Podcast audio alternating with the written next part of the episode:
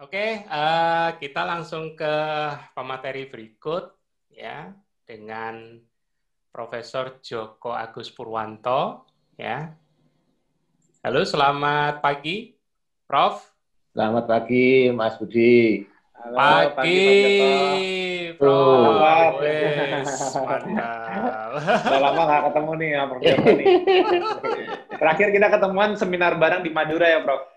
Madura ya? Yang terakhir ya? Iya, yang ter ya, terakhir ya. ketemu di Madura yang Prof ikut ngisi bareng aku. Itu tahun kemarin kayaknya ya? Enggak, itu tahun kemarin kan ILCC. Enggak, kayaknya bukan kemarin deh. Kayaknya 2008. Mbak Aim tuh yang tahu. Ke mana aku lupa. Siap. Oke, bisa langsung dimulai, Prof. Ya, Bismillahirrahmanirrahim. Assalamualaikum warahmatullahi wabarakatuh. Waalaikumsalam warahmatullahi wabarakatuh. Bisa didengar ya, jelas ya ini ya? Sip. Jelas, Prof. Sip. Ya. Jelas banget. Oke, baiklah. Jadi dalam waktu 30 menit ke depan ini jam 10 lebih 15 ya. Saya akan berusaha untuk 30 menit tepat gitu ya. uh, lebih nggak apa-apa kok. kalau lebih ini, kalau, kalau lebih bayarnya ini harus tambah ini. Waduh. bayarnya harus tambah. Bonus master. ya. Oke, baiklah. Uh, saya akan uh, membahas tentang peran antioksidan teh uh, dalam pencegahan dan uh, membantu pengobatan dari kanker, ya, Bapak Ibu sekalian. Nah, uh, slide pertama yang ingin saya sampaikan, jadi bahwa hidup kita ini uh, perlu kita syukuri, kita jadikan hidup kita itu adalah hidup yang berkualitas, ya hidup yang bagaimana yang berkualitas yaitu hidup yang sehat. Kalau nggak sehat, bagaimana bisa berkualitas kan gitu ya? Tidak sehat, ya, maka tidak berkualitas hidupnya ya. Jadi yang berbahagia ya, sehat, maka eh, itu hidup berkualitas. Yang utamanya adalah rasa syukur. Dari rasa syukur itu kita ingin eh, hidup sehat. Hidup sehat banyak hal yang harus kita uh, perhatikan di dalam kehidupan kita ini yaitu bahwa exercise regularly. Jadi apa namanya olahraga ya uh, secara teratur. Kemudian tadi juga sudah oleh uh, Bu Emma sudah disampaikan uh, manajemen stres ya. Sekarang saya reduce stres ya. Tidak hanya di minute tapi juga di reduce, diturunkan stresnya ini. Enak Joko kalau ngomong ya. Eh, diturunkan stresnya. Saya ini yang stres ini nggak bisa menurunkan kan ini. Ya eh, pasti bisa lah kita menurunkan stres ya. Hmm. pasti bisa. Siapa yang bisa? Ya kita sendiri bukan orang lain kan gitu ya. Betul, betul. kemudian eh, makan makanan yang sehat ya makanan yang sehat itu apa banyak sekali definisinya makanan yang sehat ya gitu ya Nanti juga akan saya jelaskan khusus untuk orang kanker makanan sehatnya itu apa gitu ya. Eh, orang kanker itu kan oleh dokter nggak boleh makan ini, nggak boleh makan itu ya. Nah, tetapi yang benar itu sebetulnya apa yang tidak diperbolehkan atau di, harus kita jaga di dalam uh, pada pada orang-orang yang dengan pasien kanker gitu ya. Kemudian minum banyak air ya, minumlah air sebanyak-banyaknya ya. Jadi air itu apa 90% dari tubuh kita adalah air. Oleh karena itu jangan sampai kita kekurangan air.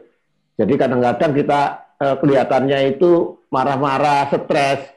Itu mungkin mungkin saja kekurangan air kan gitu ya. Nah, di dalam tubuh kita kekurangan air, makanya kita stres ya. Kalau tubuh kita tidak kekurangan air, insya Allah semuanya akan berjalan dengan baik. Ya. Uh, nah, untuk presentasi kali ini saya ingin mengemukakan satu uh, uh, apa namanya uh, satu bahan alam ya yang ingin saya adalah teh. Teh ini banyak manfaatnya dan harganya sangat murah. Bukan hanya sangat sangat sangat ya dua, kali sangatnya ya ya. Tetapi eh, khasiatnya sangat banyak, manfaatnya sangat banyak. Khususnya adalah sistem imun kita Jadi ternyata eh, hasil eh, penelitian yang memperoleh hadiah Nobel yang kemarin tahun 2018 sudah lama tidak mendapatkan hadiah Nobel dalam uh, bidang uh, fisiologis. Ini tahun 2018 kita uh, apa namanya ada hadiah Nobel untuk uh, penemuan uh, mekanisme dari kanker. Nanti akan saya tunjukkan ya apa apa idenya ya, apa gagasannya. Ternyata itu juga sistem imun. Jadi orang yang kanker itu, orang yang menderita kanker itu disebabkan karena sistem imunnya tidak bisa berfungsi dengan baik. Ya, jadi sekali lagi sistem imun, sistem imun, sistem imun. Ya, bagaimana meningkatkan sistem imun? Sistem imun bisa ditingkatkan dengan uh, polifenol dari teh yang kita sebut sebagai epigalokatekin galat. Ya, jadi kalau oh apakah Prof Joko juga meneliti teh ini? Ya, ini disertasi saya ini judulnya agak rumit ya tapi ya sudah ya pokoknya. Judulnya agak rumit ya, apa ini maksudnya ya? Jadi bahwa ini judulnya ini eh, ceritanya begini. Di dalam tubuh kita itu ada suatu uh, enzim yang tugasnya itu memperbaiki memperbaiki memperbaiki ya. Namanya en enzim alkyltransferase Nah, enzim ini adalah memperbaiki uh, eh, DNA DNA yang rusak. Kalau DNA itu terus diperbaiki, maka uh, dia akan bagus terus. Kalau bagus terus maka uh, tidak akan terjadi uh, sel kanker. Jadi sel kanker itu disebabkan karena DNA-nya terjadi kerusakan. Nah ini ini yang saya teliti. Jadi ini Bapak Ibu sekalian uh, teh itu mengandung apa yang disebut sebagai epigalokatekin galat. Ini suatu flavonoid yang ada di dalam teh, kandungan yang ada di dalam teh yang memiliki uh, uh, apa namanya? Ini sifat antioksidan yang sangat bagus ya. Dan teh ini sudah dikenal aman, digunakan sejak dua, tahun 2000 sebelum Masehi. Berarti kalau sekarang 2000 sesudah Masehi, berarti sudah 4000 tahun, kan gitu ya. Sudah. Nah, ini rumusnya kalau orang kimia itu pokoknya rumusnya bagaimana sih? Ini ya, kalau nggak tahu rumusnya, jangan ngomong khasiatnya kan begitu ya. Nah, kalau orang kimia sudah tahu, oh rumus macam begini, ini khasiatnya apa, ini sudah tahu orang kimia itu ya. Jadi seperti itu. Jadi ini bagi teman-teman yang uh, penggemar kimia, oh ini, oh iya makanya itu gitu ya, pasti begitu. Ya. Nah, eh, di dalam teh itu sendiri itu banyak kandungan uh, flavonoidnya ya flavonoid maupun asam fenolitnya ya ada 10 komponen uh, penting di dalam teh itu ya. Tetapi di dalam eh, uh, 10 komponen ini 8 di antaranya memiliki sifat anti kanker. Jadi yang tidak memiliki sifat anti kanker hanya ini, hanya dua ini, katekin dan epikatekin ini tidak memiliki sifat anti kanker. Semuanya yang delapan itu memiliki sifat anti kanker. Nah, yang yang paling tinggi sifat anti kankernya adalah epigalokatekin galat. Maka epigalokatekin galat atau EGCG ini sangat penting. Ya. Jadi EGCG itu luar suatu senyawa yang luar biasa. Sifat antioksidannya juga luar biasa. Ya. Kalau vitamin C sudah kita kenal uh, punya sifat antioksidan yang tinggi vitamin E sudah punya sifat antioksidan yang sangat tinggi, lebih tinggi daripada vitamin C. Nah, EGCG ini 100 kalinya vitamin C. Atau kalau dibandingkan dengan vitamin E, 25 kali vitamin E. Jadi luar biasa sifat antioksidannya.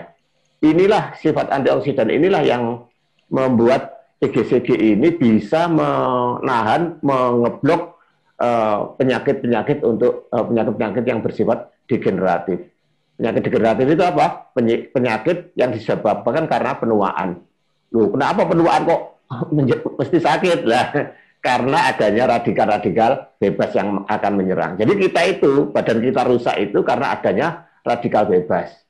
Loh, kalau nggak ada radikal bebas, ya kita akan sehat terus, seger terus ya, gitu ya. Jadi EGCG ini fungsinya adalah ngeblok radikal bebas karena sifat antioksidannya sangat-sangat tinggi. Nah, berbagai jenis teh, ya, ini saya perkenalkan ada teh putih, teh, uh, teh hijau, uh, teh hitam, kemudian ada oolong tea. Ya. di antara macam-macam teh itu, maka yang paling tinggi kandungan EGCG-nya adalah teh hijau. Maka Mediti ini, eh, eh, eh, produk Mediti itu diambil eh, dari teh hijau, jadi diekstrak dari teh hijau.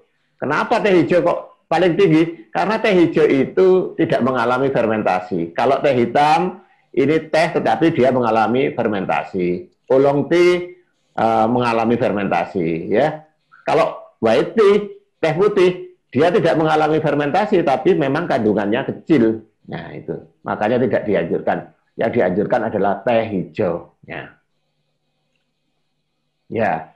Jadi teh ini ada orang yang mengatakan bahwa teh itu merusak ginjal. Ah, bener tak kan gitu ya. Jadi kita itu harus kritis ya. keliru. Orang masyarakat mengatakan teh itu merusak ginjal itu keliru.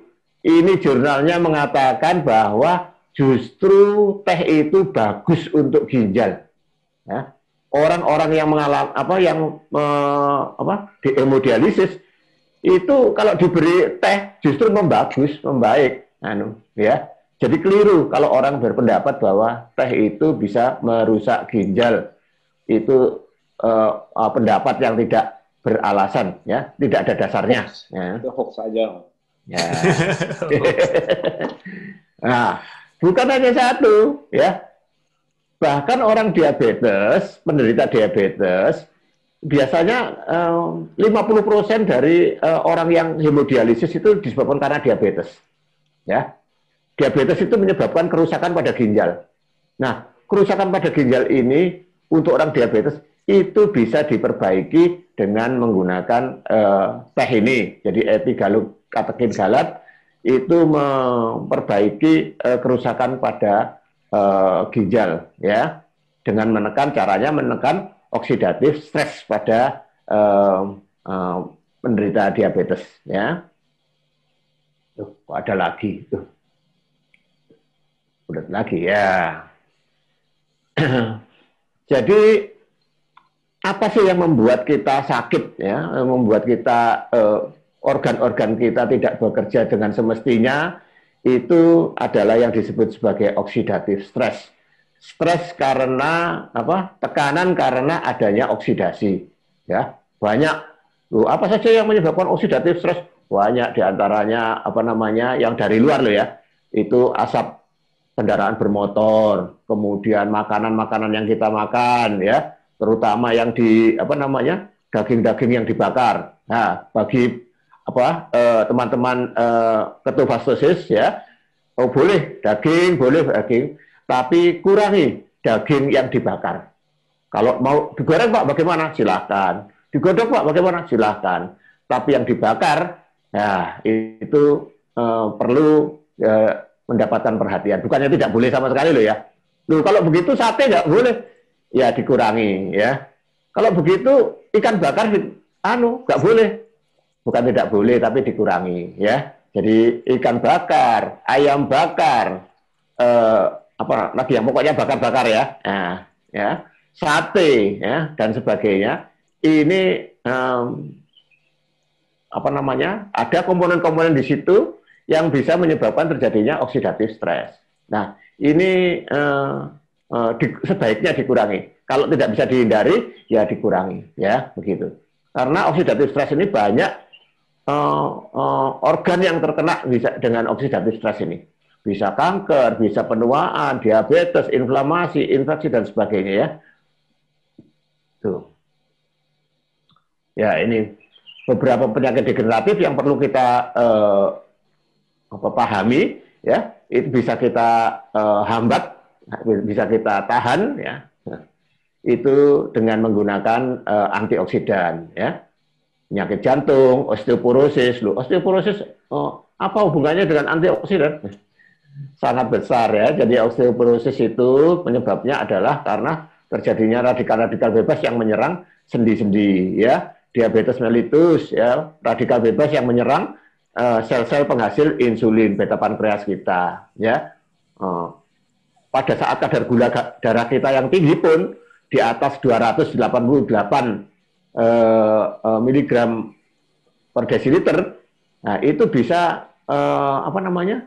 Um, menyerang menyerang beta pankreasnya sendiri jadi malah merusak.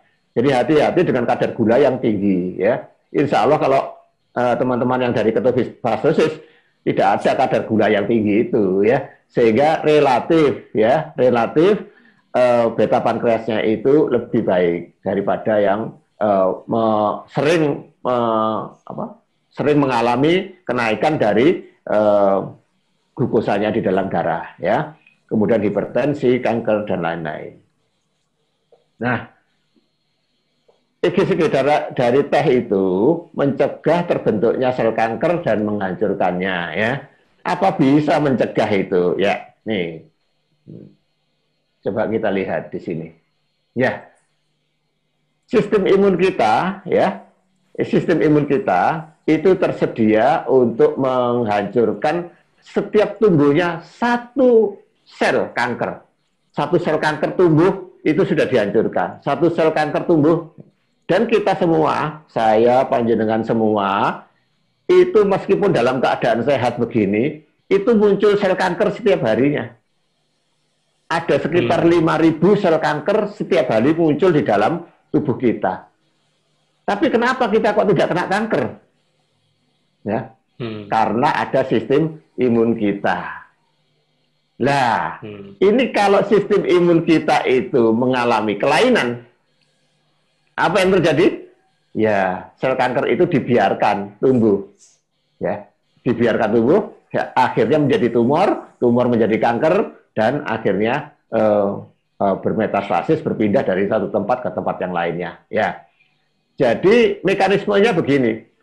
Kalau ada satu sel kanker yang tumbuh, itu pertama kali yang mengenali sel kanker itu adalah yang namanya NK cell, natural killer cell natural killer cell ini akan membunuh.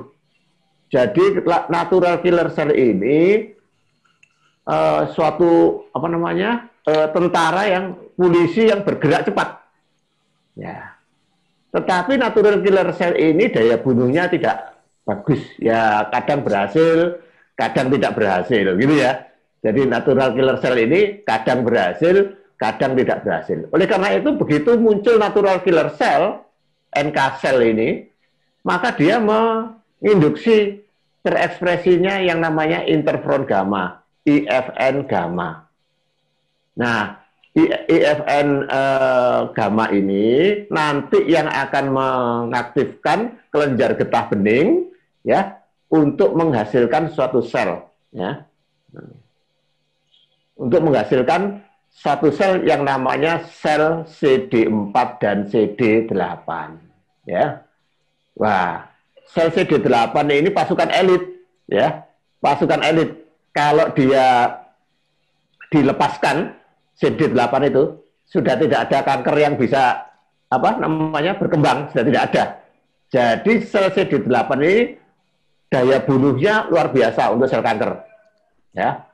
Begitu sudah dikenali oleh NK sel, begitu datang sel CD8 diambil alih dan langsung dihancurkan. Ya. Loh Pak, kenapa kok sel CD8 itu kok nggak langsung begitu ada sel kanker muncul dihancurkan? Tidak. Yang bergerak cepat itu adalah NK sel. Ya. Tapi NK sel itu daya bunuhnya kurang bagus. Nah, maka NK sel minta bantuan sel CD8. Nah, sel CD8 inilah yang daya bunuhnya luar biasa terhadap sel kanker. Ya. Jadi kalau sel CD8 ini e, meningkat, maka e, tidak ada sel kanker yang luput dari uh, serangan CD8 ya. Itu jadi. Nah, ini ada dua orang yang pada tahun 2018 kemarin mendapatkan hadiah Nobel. Namanya adalah Tasuku Honjo dari Kyoto University ya dan uh, James Ellison dari University of Texas ya. Dua orang ini menemukan hal yang sama yaitu bahwa uh, sistem imun inilah yang menyebabkan terjadinya kanker. Kalau sistem imun itu baik, maka selamanya sel kanker itu tidak akan bisa tumbuh. Nah, tapi kalau jelek, sistem imun ini jelek, nah ini akan uh, mudah munculnya sel kanker ya sama dengan termasuk sama dengan penelitian saya uh, disertasi saya jadi di dalam tubuh kita itu ada uh, sistem yang memperbaiki kalau sistem itu jelek nah ini uh, tumbuhlah sel kanker di dalam tubuh kita tapi kalau sistem itu baik selamanya tidak akan tumbuh sel kanker ya karena ada orang uh merokok itu bisa menyebabkan kanker loh. Loh lah itu merokok kok nggak kena kanker? Nah, pertanyaan ya. Mungkin karena dia sistem imunnya bagus sehingga tidak terkena kanker. Tapi sewaktu sistem imunnya turun, begitu turun, nah maka sel kanker itu akan muncul. Jadi katanya begini, ini katanya itu tadi loh ya, uh, uh, dan Ellison tadi ya. Jadi uh, sistem imun itu akan menyerang sel kanker ya. Jadi apa namanya yang sebelah kiri gambar sebelah kiri itu sistem imun akan menyerang.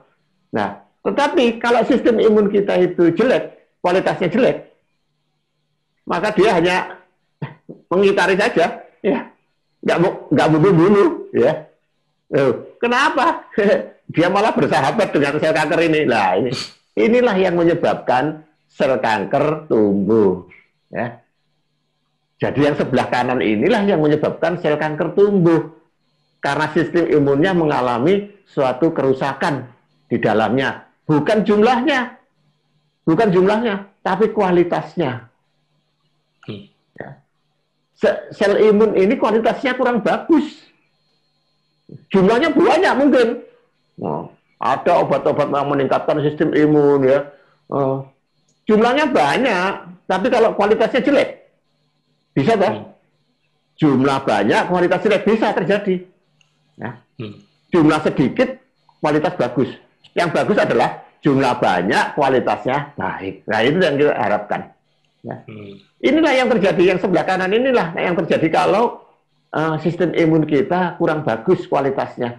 Ya, inceng-incengan saja dengan sel kanker itu ya ya inceng-incengan saja ya nggak nggak ada yang nggak nggak berani nyerang ya nggak berani nyerang ya ya dikatakan oleh apa Ellison dan Honjo bahwa sebetulnya sistem imun kita itu sedang mengalami seperti mobil itu direm ini ada remnya yang satu rem tangan yang satu rem kaki itu ya ya ada remnya ya yang namanya PD1 dan CTLA4 ya ya direm kalau itu bisa kita uh, uh, beri antinya, ya, beri antinya, ya, maka rem itu akan dilepas. Nah, begitu rem dilepas, maka sistem imun langsung nubruk kepada uh, sel kanker. Gitu ceritanya, Bapak Ibu sekalian. Ini ini hmm. Eh, begini aja sudah dapat hadiah Nobel ini. Ya.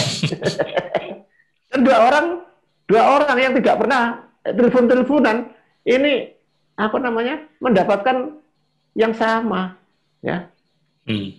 mendapatkan teori yang sama nah, walaupun ini sisinya berbeda yang satu dia mengatakan PD1 yang satu mengatakan CTLA4 ya dua-duanya benar ya keduanya ini pada sel uh, T sitotoksik yang akan menyerang sel kanker jadi kuncinya bahwa sistem imun kita harus bagus kualitasnya bukan jumlahnya loh ya jumlahnya banyak tapi kualitasnya kurang bagus, ya maka nah, kurang juga. Nah, apakah bisa teh hijau itu mau aktivitasnya meningkatkan aktivitasnya? Bisa. Jadi insya Allah ini ini penelitian saya, saya termasuk ya. Ya kalau saya sekarang ini sudah apa namanya eh, di tengah atau bahkan di belakang, mestinya saya ini di belakang ya sudah di belakang-belakang gitu. Ya, karena sudah eh, sudah semuanya saya alihkan ke bimbingan-bimbingan saya. Jadi ini eh, apa namanya eh, imunomodulator dari eh, green tea. Jadi meningkatkan eh, kualitas dari sistem imun eh, dengan menggunakan eh, teh hijau. Ini penelitian dari luar juga, oh itu penelitiannya Pak Joko pasti di apa namanya diarahkan ke sana tidak orang lain juga menyebutkan bahwa uh, sistem imun itu uh, bisa diperbaiki dengan menggunakan teh hijau. Ya, ini dikatakan bahwa meningkatkan sistem imun ya eh, dan meningkatkan eh, apa namanya eh, kualitas dari sistem imun. Nih ya, terutama pada sel 4 dan natural killer cell ya. Ya, artinya sistem imun penting untuk tumor. Uh, sebetulnya ada dua lagi. Ya, eh, ini tambahan satu. Jadi selain dengan menggunakan sistem imun, EGCG ini juga bisa menghambat perkembangan sel tumor. Kenapa kok bisa begitu? Jadi sel tumor itu untuk tumbuh, sel tumor itu adalah sel yang perkembangannya, proliferasinya itu cepat sekali. Loh, kok bisa cepat, Pak? Nah, makanannya dari mana? Lah, ini. Kalau dia ber posisinya berada di tengah, jauh dari apa namanya pembuluh darah, maka dia akan memanggil pembuluh darah. Jadi minta di apa namanya? Minta di supply oleh pembuluh darah. Caranya minta bagaimana tumor itu? Maka dia mengeluarkan suatu uh, sitokain yang namanya VEGF ya. VEGF. Maka VEGF ini sangat penting. Kalau VEGF itu saya blok, maka logikanya tidak akan ada pembuluh darah yang ke tumor tersebut. Kalau pembuluh darah itu tidak ke tumor tersebut, maka apa yang terjadi? Ya nggak dapat makanan. Kalau tidak dapat hmm. makanan, maka makin lama makin lemah, makin lemah, makin lemah, dan akhirnya mati. Ya, seperti itu ya. Jadi ini penting bahwa VEGF ini kita blok agar tidak ada pembuluh darah yang menuju ke kankernya. Kita lihat. Ya. Jadi ini pertama kecil begitu, panggil pembuluh darah, pembuluh darah me, apa, melingkupi dari sel tumor tersebut, maka sel tumor itu jadi berkembang pesat karena diberi makan ada apa supply makanannya. Nah, kalau itu kita blok, maka sel tumor tidak akan berkembang. Makanya sel-sel tumor, sel-sel kanker itu adalah sel-sel yang mudah berdarah. Gampang sekali berdarah. Kenapa kok gampang sekali berdarah? Karena banyak pembuluh darahnya itu. Hmm. Nah, ini kita blok. Caranya ngeblok VEGF-nya ini biar pembuluh darah nggak ke situ, ya. Nah, ini riset-risetnya ya bahwa di vaskular itu disebutkan orang-orang ahli-ahli e, pembuluh darah mengatakan bahwa EGCG dari teh itu bisa menghambat ngeblok VEGF. Sehingga nah ini contohnya gambarnya ini bahwa EGCG ngeblok VEGF ya. Sehingga tidak dapat e, apa namanya e, pembuluh darah. Akibatnya kanker itu tidak diberi makan. Kalau tidak diberi makan, maka dia akan e, mengecil ya. BCF. Oke. Banyak sekali risetnya ini ya. Banyak sekali. Tidak hanya satu. Ini menunjukkan bahwa eh, para ahli itu sudah sepakat bahwa EGCG dari teh itu menghambat VEGF. Ya, ini angiogenesis ya. Namanya adalah angiogenesis. Ya, VEGF lagi. Eh, memang sengaja saya beri banyak. Nah, bagaimana kalau kanker itu sudah menyebar? Atau yang kita katakan metastasis ya. Nah, EGCG eh, dari Mediti ini juga bisa membantu menyembuhkan kanker yang sudah metastasis, pindah dari uh, ini dari payudara ke otak, dari payudara ke wah macam-macam ya. Jadi bisa pindah dari satu tempat ke tempat yang lain. Kita tinjau sebetulnya apa yang menyebabkan kanker itu bisa pindah. Apa punya kaki? Kalau punya kaki ya maka kakinya yang kita potong kan gitu ya. Nah, ya. Coba kita lihat. Ini mekanismenya. Jadi kanker itu mendekati pembuluh darah, mendekati pembuluh darah. Kalau sudah dekat pembuluh darah, maka dia mengeluarkan suatu enzim untuk melubangi pembuluh darah ini. Enzim ini namanya adalah MMP9. Kalau sudah dia me, dari pembuluh darah ini, maka dia bisa pindah ke tempat yang lain, ya. Nah, inilah mekanisme dari metastasis atau berpindahnya eh, apa namanya eh, sel kanker dari satu tempat ke tempat yang lain. Maka kalau sel kanker itu sudah pindah, kita katakan bahwa sel kanker ini kanker ganas. Ya.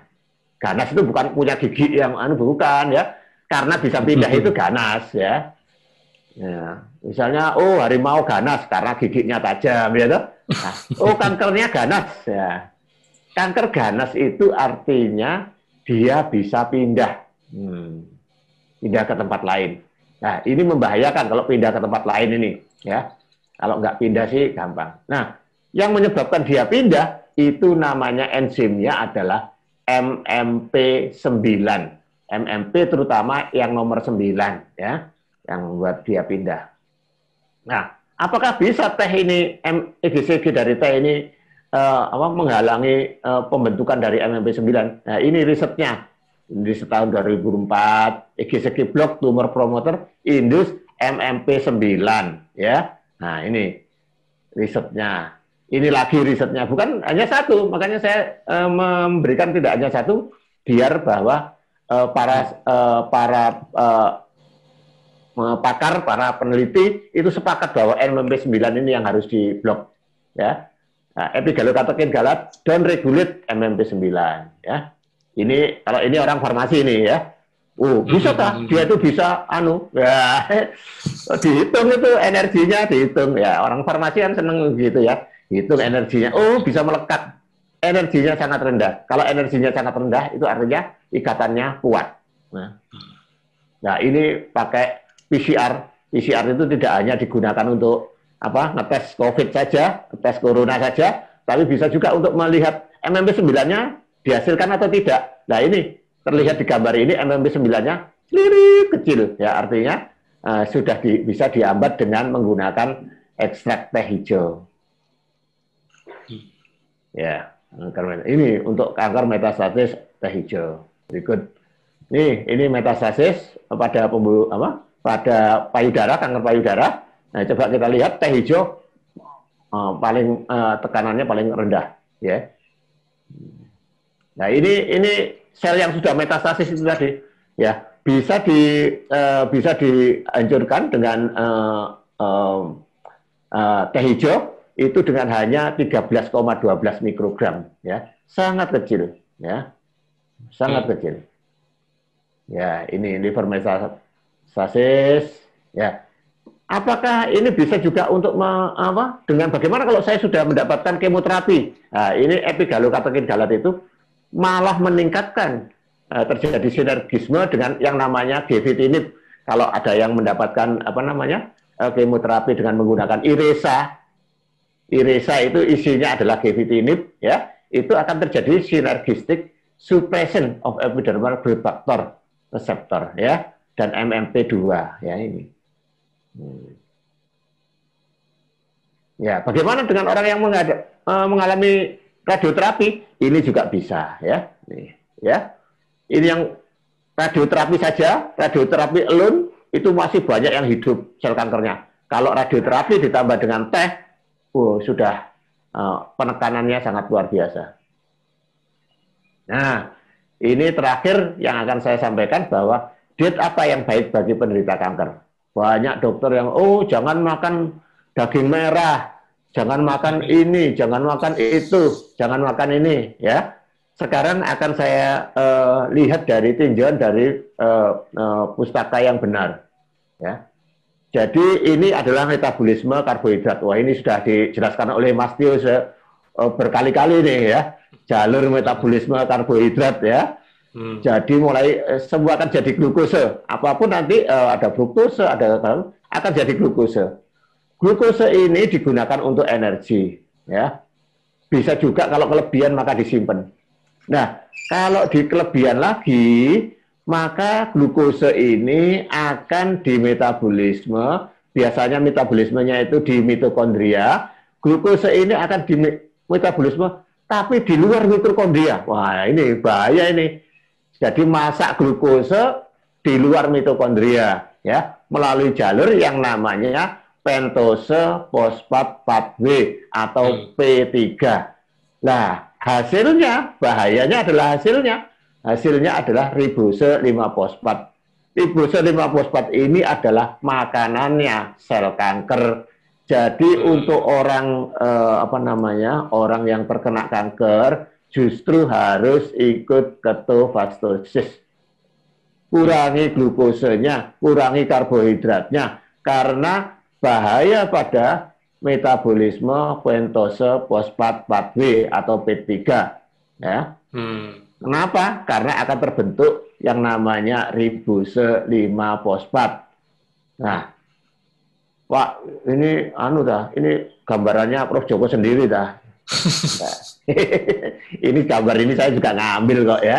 Nah, hmm. ada risetnya. Riset ini dilakukan hasil riset tahun 2018 masih baru risetnya.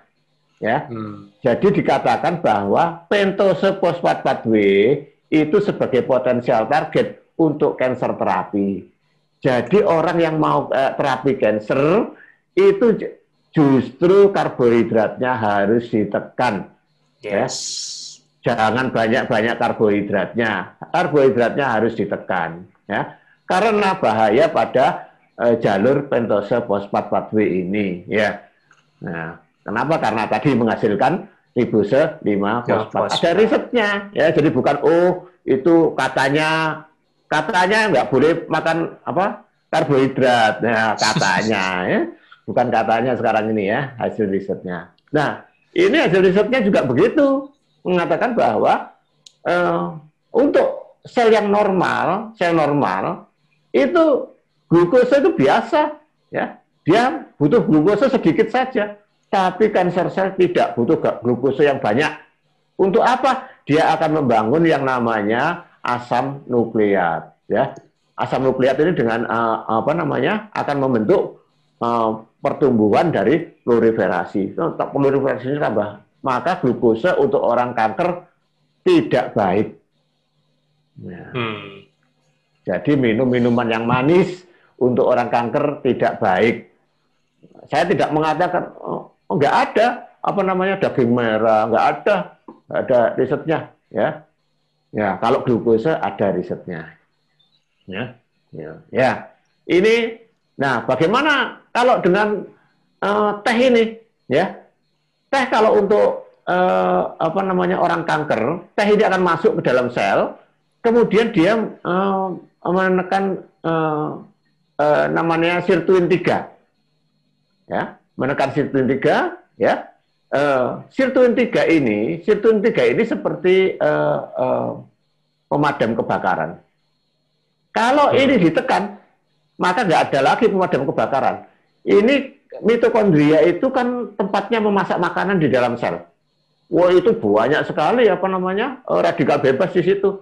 Ya, kalau tidak ada sirtuin 3, maka dia bisa mati. Ya, jadi untuk kanker sel, kalau EGCG ini masuk ke dalam kanker sel, maka selnya akan mati. Ya, hmm. matinya karena sirtuin tiganya ini ditekan. Nah, tapi kalau pada normal sel tidak, EGCG kalau masuk pada orang sehat, orang normal, sirtuin tiganya sudah malah ditingkatkan. Kalau sirtuin tiganya ditingkatkan, ibaratnya dapur itu, dapur itu menjadi dingin. Kalau sirtuin tiganya ditingkatkan, eh, maka tidak ada kerusakan pada mitokondria, orangnya umur panjang, awet, muda, hmm. ya, ya, maka dia bisa mencegah namanya aging. Ini ada bimbingan saya yang apa namanya khusus dia mempelajari tentang uh, mediti ini terhadap aging ya. Ya terhadap terhadap penuaan. Apakah tikus yang diberi uh, eh, EGCG ini uh, lebih mudah dibandingkan dengan tikus yang tidak diberi EGCG kan itu ya? Ini masih tikus ya. Kalau yang untuk orang stroke sudah pak pada tahun ini penelitian saya pada orang yang terkena stroke. Jadi dibandingkan uh, apa namanya uh, kognitifnya orang-orang yang uh, stroke tanpa diberi uh, teh ini dengan orang stroke yang diberi teh ini. Ya dilihat kognitifnya ya bagaimana nanti kognitifnya. Hmm. ini uh, sirtuin tiga tersebut ya itu bukan hanya oh, oh wah digambar itu gambar tok ya. Nah ini hasilnya. Jadi memang benar-benar pada uh, uh, orang normal sirtuin tiganya meningkat ini pada orang normal, sirtuin tiganya meningkat. Nah, ini pada sel kanker, sirtuin tiganya menurun. Nah, kalau sirtuin tiganya menurun, maka selnya bisa mati. Ya. Ini hmm. sirtuin tiga pada oral squamous cell carcinoma. Uh, ini OSCC ini adalah kanker yang paling ganas di dunia. Ya, jadi orang banyak yang tidak tertolong dengan menggunakan yang orang yang menderita OSCC ini banyak yang tidak tertolong ya. Nah, ini eh, bisa ditekan ya, apalagi yang gampang-gampang seperti kanker payudara, insya Allah banyak yang sudah menyatakan bahwa eh, kankernya mengecil ya. Ya, jadi ini. Nah, apa bedanya sih Mediti ini dengan eh, eh, teh biasa? Sebetulnya sama, sama bahan dasarnya sama. Hanya saja yang teh ini itu masih kaya akan kofeinnya, membuat jantung kita berdebar-debar. Ya, Hmm. kalau minum teh, kadang-kadang perut perih, itu adalah kofeinnya, ya. Tapi rendah EGCG. Tapi kalau mediti ini sudah dihilangi kofeinnya. Karena kofeinnya dihilangi, maka kadar EGCG-nya naik, kan begitu ya. Jadi Hmm. kalau bahan itu kalau dikurangi begitu kan, yang satunya naik pasti ya. Nah seperti itu. Jadi sederhana saja. Ini banyak orang, oh, oh temuannya hebat, ini tidak hebat, biasa saja ya. Jadi kalau eh, kofeinnya kita ambil, maka EGCG-nya pastilah naik.